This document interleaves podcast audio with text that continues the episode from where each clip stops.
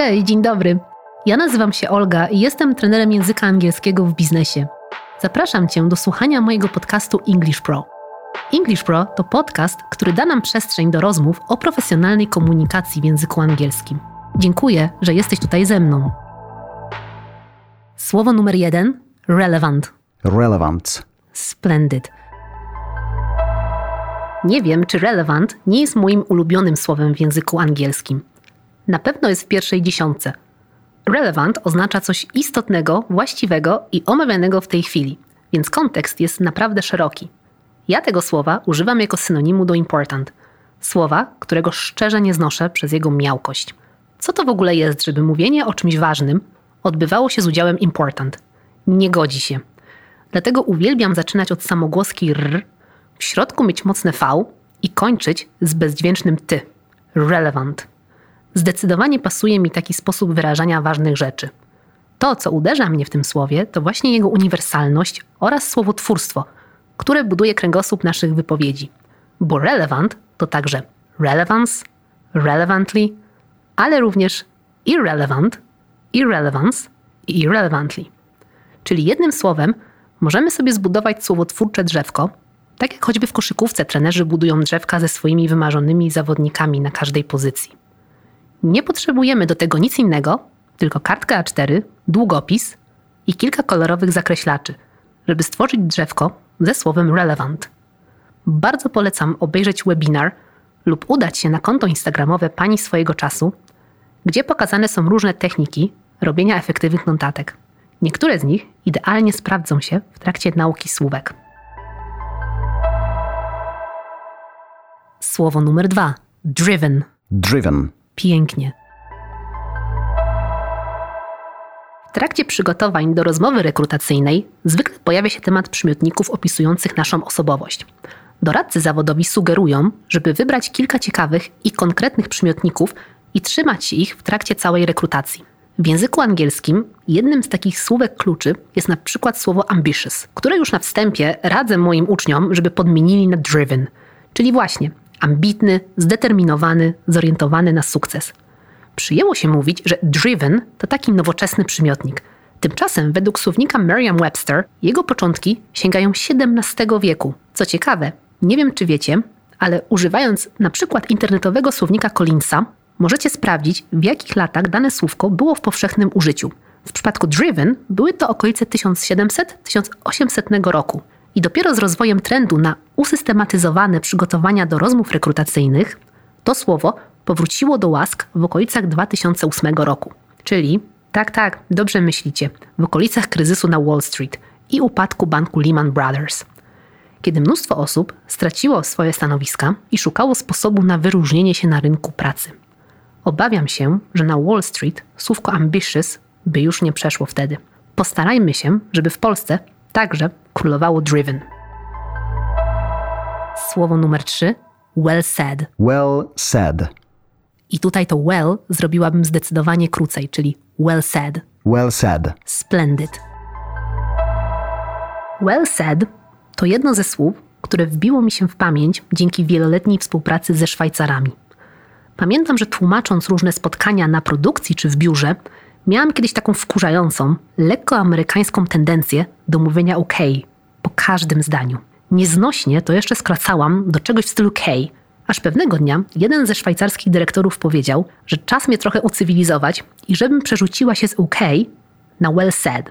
I po tygodniu wróciła do niego z feedbackiem, czy odbiór mojej osoby i tego, co mówię, jest inny. No, był inny, niezaprzeczalnie. To jedno małe well said sprawiło, że uwierzyłam w potęgę pewnych słów, które wynoszą nas na inny poziom. Nie dość, że oduczyłam się mówić irytujące OK, to w wielu przypadkach zastąpiła mnie właśnie krótkim i konkretnym well said, które niejako jest też komplementem dla drugiej strony i świetnie wypada w rozmowach z istotnymi dla nas osobami. Wam też życzę więcej well said w życiu. Słowo numer cztery. Doable i feasible. Doable, feasible. Mm, feasible było pięknie, z tym doable troszeczkę bym popracowała, żeby tą końcówkę jednak e, ściąć troszeczkę na bardziej able, czyli doable.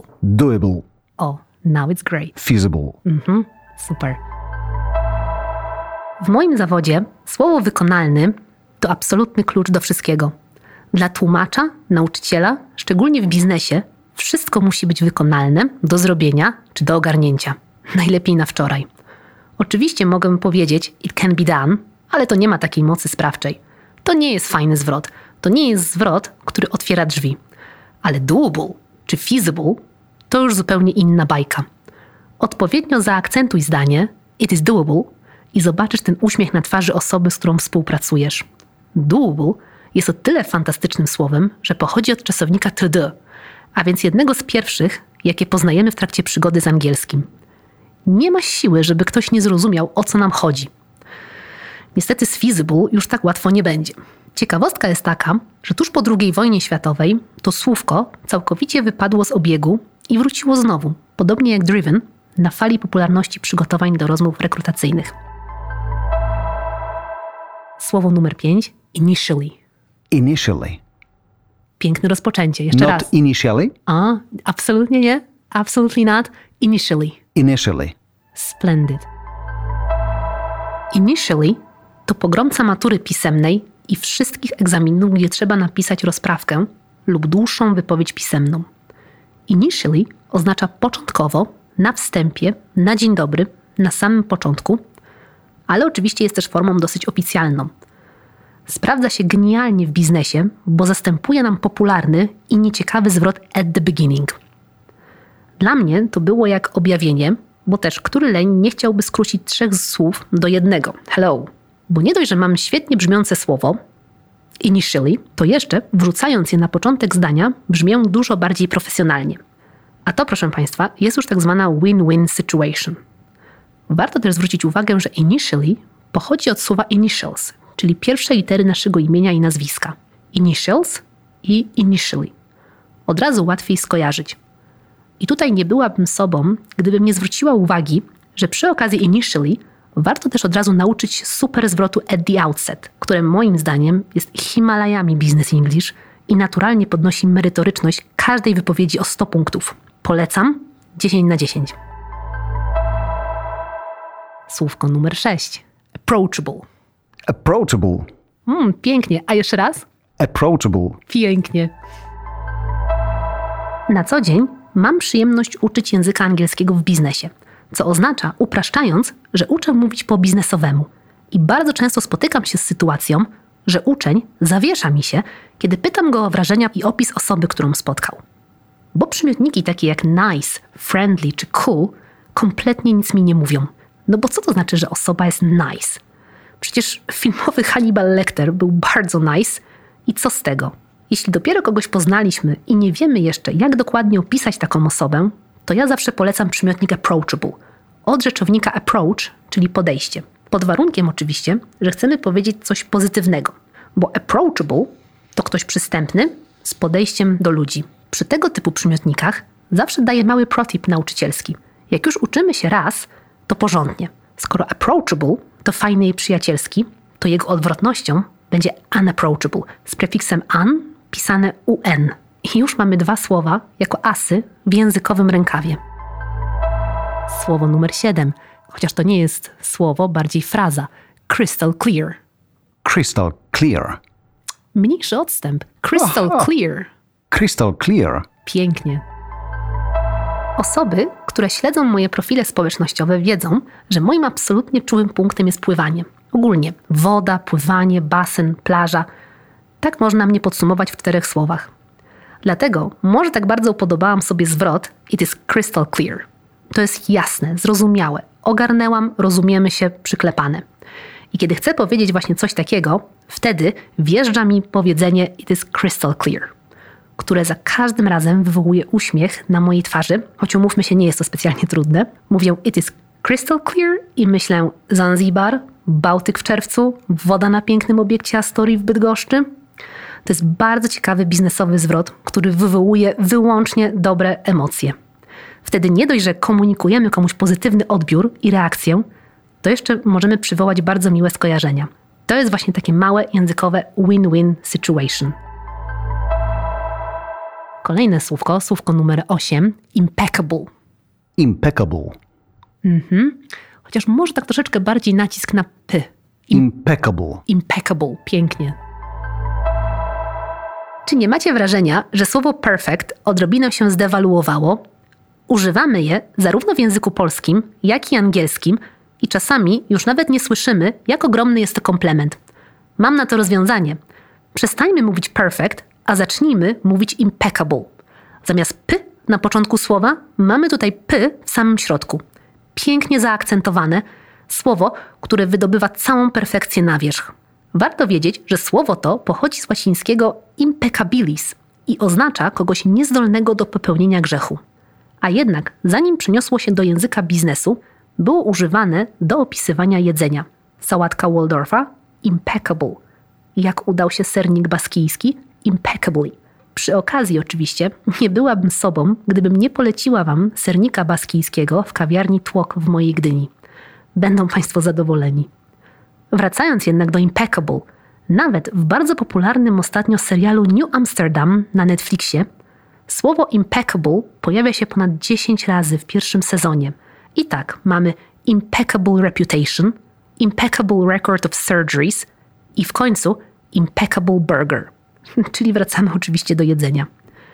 Ja sama uważam, że połączenie jedzenia i ulubionego serialu to idealna motywacja do używania nowego słówka, dzięki któremu możemy wskoczyć na wyższy, ale również biznesowy poziom językowy. Kolejne słówko, słówko numer 9, the bottom line. The bottom line. Uuu, i to taki mocny amerykański akcent. The bottom Pie- line. Mm, piękny, wow.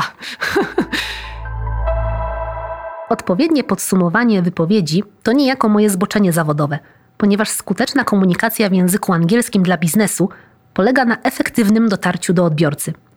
Tym celu zwykle używamy takiego słowa jak finally, czyli przysłówka, który kończy wypowiedź, podsumowuje oraz skupia uwagę na konkretnym argumencie lub fragmencie wiadomości. Finally, I would like to say that this is not a good idea. Finally, we made a decision. Tylko, hmm, czy to jest dobre słowo? Czy to jest mocne słowo? Czy ono skupia uwagę, czy sprawia, że koncentrujemy się na tym, co zostanie powiedziane za chwilę? Nie, nie i jeszcze raz nie. Dlatego ja nie używam finally. Szkoda czasu. Język angielski w biznesie nie lubi marnowania czasu na niepotrzebne zwroty bez wyrazu. Dlatego tutaj proponuję moim uczniom zawsze the bottom line. The bottom line is that we should stop using finally. Co ciekawe, wyrażenie the bottom line tak naprawdę pochodzi z języka finansowego i jest to nic innego jak saldo, rezultat, wynik finansowy jest jednym z pierwszych, które poznajemy w podręcznikach do Financial English. W słowniku Merriam-Webster jest uznawane za jedno z najpopularniejszych, najczęściej wyszukiwanych słówek. A jeśli wpiszemy w wyszukiwarkę bottom line article, to pokaże nam się m.in. artykuł z Washington Post porównujący Meghan Markle do Baracka Obamy i zaczynający się słowami. But the bottom line is that both of them, both Meghan and Obama, are being held to a different and harsher and more unfair standard than their white counterparts. Washington Post, 9 marca 2021. Chyba nie potrzebujemy lepszej zachęty do używania bottom line niż artykuł nie dość, że o Baracku Obamie, to jeszcze z Washington Post, o Meghan Markle nie wspominając. Ok, słówko numer 10. Widespread. Widespread. Ja tam słyszałam coś brytyjskiego. Może być, aczkolwiek myślę, że możemy lepiej. Widespread. Widespread. Mhm, pięknie. Widespread. Mm, o, no. Kiedyś w jakimś magazynie dla nauczycieli języka angielskiego przeczytałam, że słowo popular ma bardzo małą ilość synonimów i dlatego nomen omen jest tak popularne. Wtedy zaczęłam się zastanawiać, na pewno nie tylko ja, czy nie szukamy za blisko. Po co nam synonim do słowa popular, skoro możemy poszukać tłumaczenia słów rozpowszechniony, znany na całym świecie, odwiedzany, etc. Wyjść z naszej językowej comfort zone. I tak, dzięki temu możemy trafić na takie słowa jak hyped, much hyped, well liked, admired, ale też na przykład omnipresent czy widespread. I przy tym ostatnim chciałabym się na chwilę zatrzymać. W słowniku znajdziemy dwa główne tłumaczenia, które troszeczkę się wykluczają: powszechny i rozpowszechniony. Muszę przyznać, że ja w trakcie tłumaczenia spotkań biznesowych zetknęłam się głównie z tym drugim znaczeniem. Nawiązuje oczywiście do języka mówionego. A widespread opinion among directors. A widespread belief among entrepreneurs. Dla mnie jest to jedno ze słówek, gdzie słownik jedno, a ulica drugie. A już szczególnie język biznesowy, który ma niesamowite zdolności do adaptowania takich słówek jak właśnie widespread. Oczywiście proszę pamiętać, że nie w każdym kontekście popular może zostać zastąpione przez widespread. Jeśli zwrócimy uwagę na wiadomości w internecie, to widespread zaczęło być kojarzone negatywnie właśnie w związku z pandemią. I tak na przykład stacja CBS News ciągle nawiązuje do widespread infections, a Kamala Harris w wywiadzie dla The Late Show with Stephen Colbert wspominała o widespread protests. Dlatego, jeśli ktoś woli pozostać przy popular, czy nawet well liked, nie oceniam. Ja lubię moje widespread. Ok, słówko numer 11. Meaningful. Meaningful. Mhm, pięknie. I tutaj muszę zaznaczyć, że pięknie ściąłeś to G na koniec. Meaningful, czyli ono musi być takie, e, teoretycznie je słyszymy, natomiast e, nie wypowiadamy. Meaningful. Please repeat. Meaningful. Pięknie. Mhm, splendid. Moja niechęć do słowa important jest już słynna w internecie i omawialiśmy ją przy okazji pierwszego słówka, czyli relevant. Nie lubię pustych słów, nie lubię słów, które nie wyrażają precyzyjnie moich myśli. Jestem zdania, że używając konkretnych sformułowań okazujemy również szacunek naszemu rozmówcy, pokazujemy, że traktujemy go poważnie i jesteśmy uważni tu i teraz. Dla mnie jako nauczyciela to jest bardzo ważne, żeby uczniowie mieli poczucie, że jestem uważna i jestem tutaj dla nich. Dlatego nawet opisując kolejne zadanie do zrobienia, staram się używać ciekawych, nie zawsze najprostszych słów. Na tyle, na ile się da, robię wszystko, żeby unikać słowa important. Szczególnie jeśli opisuję coś ważnego dla mnie, i tutaj zauważyłam ciekawą rzecz. Gdy uczeń kończy swoją wypowiedź i ja ją skomentuję słowami It is truly meaningful what you are saying, reakcja po drugiej stronie jest zupełnie inna niż Yeah, that's important. Uczeń automatycznie się otwiera, dopowiada coś od siebie, przechodzi do anegdotek ze swojego życia. Może dlatego nie mam powszechnego wśród nauczycieli problemu z rozgadywaniem uczniów. Staram się być, słuchać, ale komentować też w taki sposób, żeby zachęcać drugą osobę do interakcji ze mną. I tutaj słowo meaningful jest absolutnie, oczywiście w moim odczuciu, niezbędne. Nie będę również ukrywać, że od czasu do czasu posługuję się synonimami do tego słowa, takimi jak significant czy purposeful, ale jednak meaningful to moja podpora językowa. Może dlatego też, że pochodzi od słowa meaning, czyli znaczenie. Meaningful, czyli coś, co jest dla mnie znaczące. Tak jak ludzie, ich odczucia i oczywiście poprawność językowa w komunikacji nie tylko biznesowej. Ja w ogóle uważam, że powinniśmy częściej mówić ludziom, że są dla nas meaningful i to, co mówią, jest meaningful. To tak na podsumowanie, czyli the bottom line oczywiście, do tego słowa. Ok, kolejne słówko, znowu z tą końcówką able, advisable. Advisable. Well, Advisable. lovely. Kolejne słówko, bez którego nie wyobrażam sobie swojego prywatnego słownika, jest związane z małą złośliwością, na którą chyba mogę sobie pozwolić po 15 latach uczenia języka angielskiego. Otóż jestem prawie pewna, że statystyczny Polak zaczyna poprawnie używać słowa advice, czyli rada, w okolicach poziomu C1-C2. Normalnie powinno się to zadziać mniej więcej 10 lat przed maturą. Niestety zaobserwowałam, że mamy jakąś narodową blokadę przed zapamiętaniem, że advice to rzeczownik niepoliczalny. Nie ma czegoś takiego jak advices. Advice. Much advice. A lot of advice. Nigdy advices. Ale jednak nie idzie. Jak ja to mówię na zajęciach, nie siadło. Ale co innego mi siadło i spowodowało, że ten błąd samoistnie się wyeliminował. Mianowicie zaczęliśmy używać it is advisable. I dla mnie to nie jest nawet win-win situation.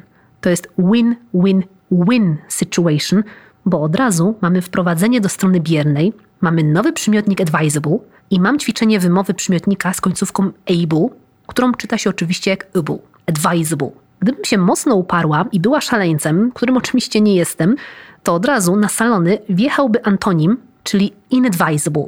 Bo jaki jest sens uczenia się tylko samego advisable, prawda? Co więcej, zaczynanie zdania od takiej konstrukcji, czyli it is advisable, jest poważniejsze i bardziej formalne, a co za tym idzie, biznesowe oczywiście. Dlatego słowo advisable jest dla mnie strzałem w dziesiątkę, bo załatwia kilka problemów, na które normalnie potrzebowałabym trzy godziny lekcyjne. Jeszcze tylko taka jedna ciekawostka. Niezmiernie mi się podoba, że w języku szwedzkim słowo zalecany, wskazany to tillrädlig. To jest dopiero pięknie zaakcentowane słowo z odpowiednią ilością spółgłosek. Mam nadzieję, że to Wam pozwoli zapamiętać advisable na zawsze. Kolejne słówko to jest słówko, zdaje się, dwunaste. Impactful. Impactful. O, i tutaj bardziej bym chciała, żebyśmy zeszli z tego polskiego A na bardziej to takie A. Impactful. Impactful. Revelation. A teraz będzie o kolejnym przymiotniku, dzięki któremu czuję, że moje myśli są wyrażane w odpowiedni sposób. Mowa tutaj o słowie impactful, czyli wpływowy i mający znaczenie. Oczywiście pochodzi on od rzeczownika impact, czyli wpływ, zderzenie lub siła uderzenia. Nie byłabym sobą, gdybym nie wspomniała, że impact i jego synonim influence to słówka, które często są problematyczne dla osób uczących się języka angielskiego. Dlaczego? Ponieważ jeśli coś ma wpływ na inną rzecz, to wtedy potrzebujemy przyimka on, to have impact on something.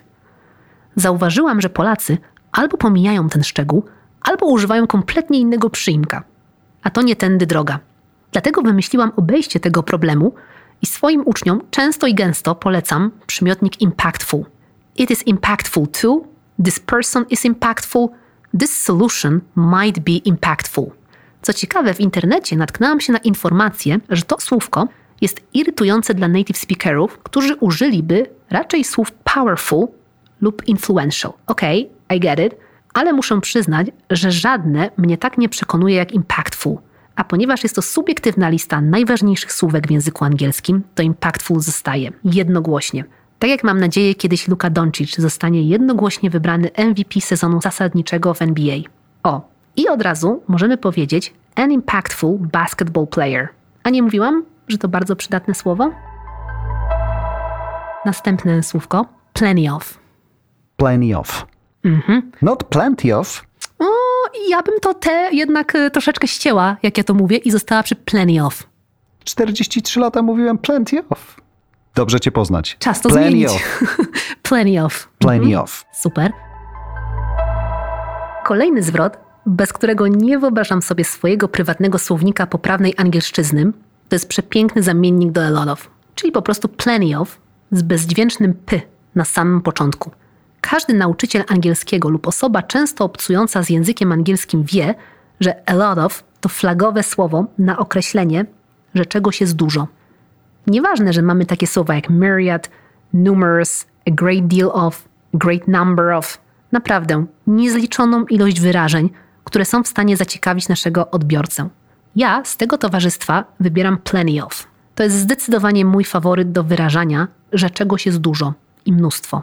Warto tutaj jednak dodać, że gdybyśmy chcieli trzymać się sztywnych ram gramatycznych, to plenty of pasuje do języka biznesowego, jednak w akademickim i formalnym angielskim raczej może być uznawane za nieformalne słówko i lepiej trzymać się many lub much. Co więcej, kiedy mówimy na przykład o jedzeniu, bo ze mną to można tylko o jedzeniu, prawda?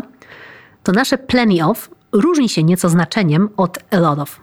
Zapytacie, ale jak to? Ano tak, że kiedy mamy a lot of peanut butter, to mamy go po prostu dużo, a kiedy mamy plenty of peanut butter, to mamy go aż za wiele, jak na nasze skromne potrzeby. Choć nie jestem pewna, czy przymiotnik skromny powinien znajdować się w jednym zdaniu z masłem orzechowym. Bo w sumie nie ma czegoś takiego jak plenty of peanut butter, czyli nadwyżki masła orzechowego. Dlatego za każdym razem, jak w języku biznesowym będziecie chcieli powiedzieć a lot of, to pomyślcie o maśle orzechowym i o tym, że jego jest plenty of. Wtedy nie sposób nie skojarzyć. Kolejne słowo setback. Setback. I bardzo ładnie je odrobinkę rozdzielasz, ponieważ pomimo, że ono jest napisane razem, to właśnie kiedy ono brzmi, to bardzo fajnie jest to tak, tak jakby podzielić na dwa słowa. Setback. Setback. Super. Mhm. Nie lubię słowa problem, zarówno w języku polskim, jak i angielskim. I to nie dlatego, że w tak zwanym mordorze mówią challenge, bo przecież dla prawdziwego social media ninja nie ma czegoś takiego jak problem. Po prostu nie lubię brzmienia tego słowa, które dla mnie automatycznie oznacza coś negatywnego. Co więc robię ze słowem problem? Zamieniam je na setback. A do uczniów mówię tylko i wyłącznie o a minor setback, które brzmi trochę jak utulenie kogoś w potrzebie. We have a minor setback. This is a minor setback. Don't you think that this is a minor setback? Uwielbiam to połączenie słów, bo setback jest mocnym słowem, porządnie zaakcentowanym, z odpowiednią ilością spółgłosek, dzięki którym wiem, że jestem słuchana. W połączeniu ze słowem minor tworzy to piękne zestawienie, które zawiadamia o problemie, o czymś negatywnym, co jest przed nami do rozwiązania, ale jednak sprawia, że wiadomość jest podana w taki sposób, że ten problem chce się rozwiązywać, a nie tylko, że ręce opadają. Bardzo często stosuję ten zabieg językowy, kiedy wiem, że ten konkretny problem na horyzoncie jest spory i prawdopodobnie będzie wymagał sporo wysiłku, natomiast wiem, że muszę to zrobić szybko, bezproblemowo i najlepiej jeszcze w pozytywnej atmosferze. Wtedy z pomocą zawsze przychodzi a minor setback. Tutaj warto wspomnieć, że sam rzeczownik setback ma bardzo wiele znaczeń, zaczynając od porażki, niepomyślności, opóźnienia, niepowodzenia, a kończąc na wpadce i wyhamowaniu. I dlatego właśnie tego słowa używa się bardzo często w kontekście obecnej pandemii. Jeśli prześledzimy artykuły internetowe dotyczące koronawirusa, to okazuje się, że w co drugim wpisie znajduje się stwierdzenie economic setback. Uważam, że jest to słowo klucz do tego, żeby o przeciwnościach rozmawiać w dobrej atmosferze, bez wcześniejszego uprzedzania się i usztywniania, jak to często jest w przypadku słowa problem. Dziękuję za Twój czas. Jeśli dla Ciebie ten materiał był wartościowy, to zasubskrybuj podcast English Pro. Znajdziesz mnie na każdej platformie podcastowej.